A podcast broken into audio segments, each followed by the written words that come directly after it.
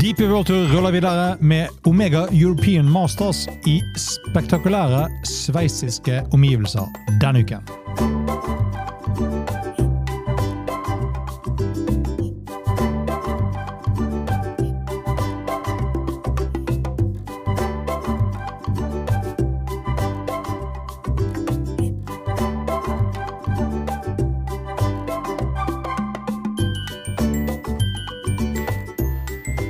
Hei, velkommen til denne uka av Golf Unplugged, presentert av Turtøy Golf. Mitt navn er som vanlig Bjørn Hage.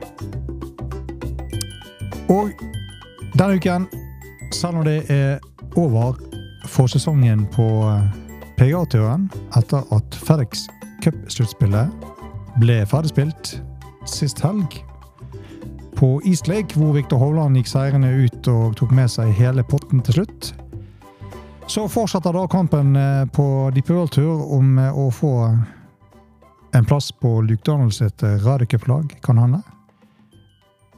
Samt noen rankingpoeng for eventuelt å klare å kapre spillerettigheter for neste sesong.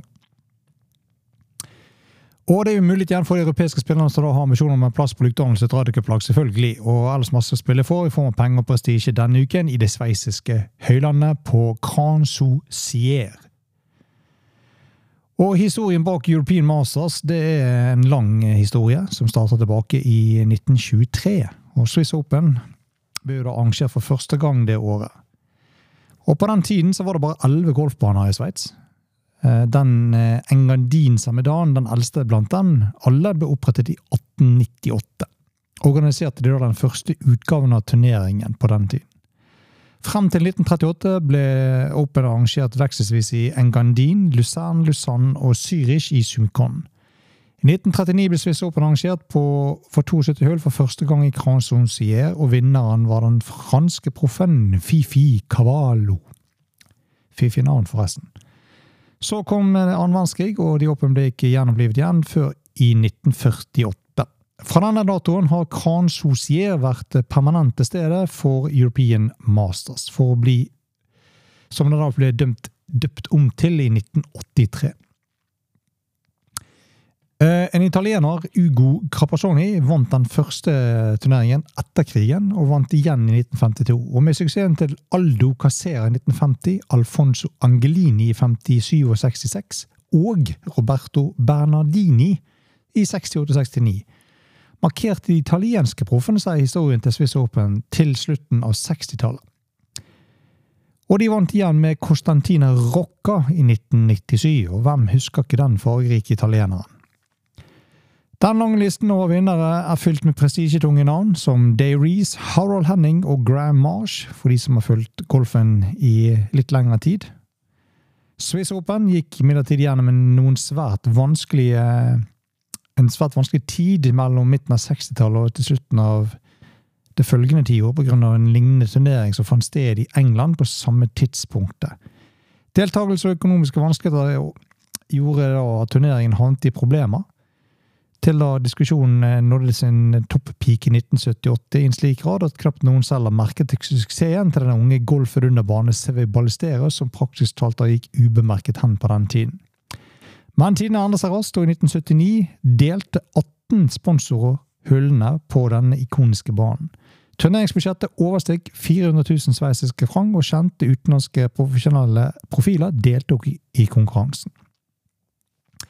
Siden den gang har Swiss Open aldri sluttet å utvikle seg og vokse til å bli en av de mest kjente turneringene og mest prestisjefulle i Europa. Og suksessen til denne suksessen til denne fantastiske banen som ligger oppe i det sveitsiske høyfjellet, det er antagelig den varme velkomsten fra lokalbefolkningen, den unike atmosfæren som ligger i dette store feriestedet oppe i fjellet.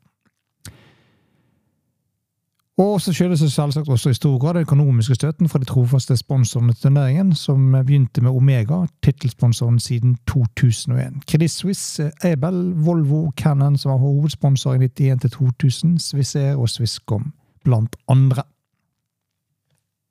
Og det hører selvfølgelig med at bak dette ligger det masse arbeid fra organisasjoner til stedeværelsen av et lokalt nært sammensveiset og effektivt team, regissert i mange av Gaston F. Barra, og støtte fra Grand Soucier golfklubb.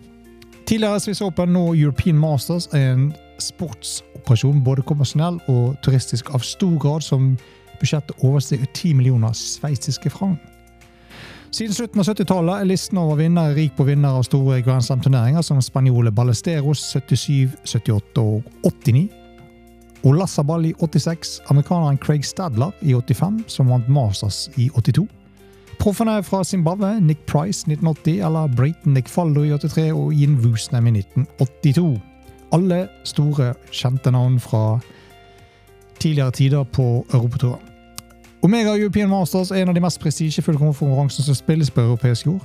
Grand Sunsier golfklubb ligger i Kransmotana i hjertet av de sveitsiske alpene og er utvilsomt den mest spektakulære banen på europaturen i løpet av kalenderåret. Denne internasjonalt anerkjente golfkonkurransen som spilles på samme bane for 76. gang i 2023, har satt spillere som eh, tidligere nevnte Ballesteros og Olassabal, Garcia, Skottlands Colin Montgomery, sørafrikanske Els og Storbritannias Lee Westwood vinne dette ettertraktede trofeet. Sør-Afrikas Tristan Lawrence er tittelforsvarer etter at han vant i 2022 etter et omspill mot eh, briten Matt Wallace. Og uh, spillerne møtes da igjen denne uken i Crans Montana for en ny utgave, fullt med spennende og magiske slag i spektakulære omgivelser. Og det er et fargerikt startfelt bestående av alt fra Matt Fitzpatrick til Miguel Angel Jimenez, Høygård-brødrene samt mange andre som er på jakt etter radiocuppoeng, eventuelt deler av den 2,5 millionen store europotten. Krog Johannessen, eneste norske i feltet så langt. Så selv om det er ferdigspilt i denne gang i USA, er det mye på spill denne uken i Sveits. God fornøyelse! Og med det er vi ved veis ende i denne utgaven av Golf Unplugged, presentert av Turtre Golf. Husk lik del og subscribe. Send oss tips og kommentarer til unpluggedturtrekgolf.no. Måtte vi høres igjen. Mister du fremdeles fairway fra tid altfor ofte? Go see your local professional. På gjennom.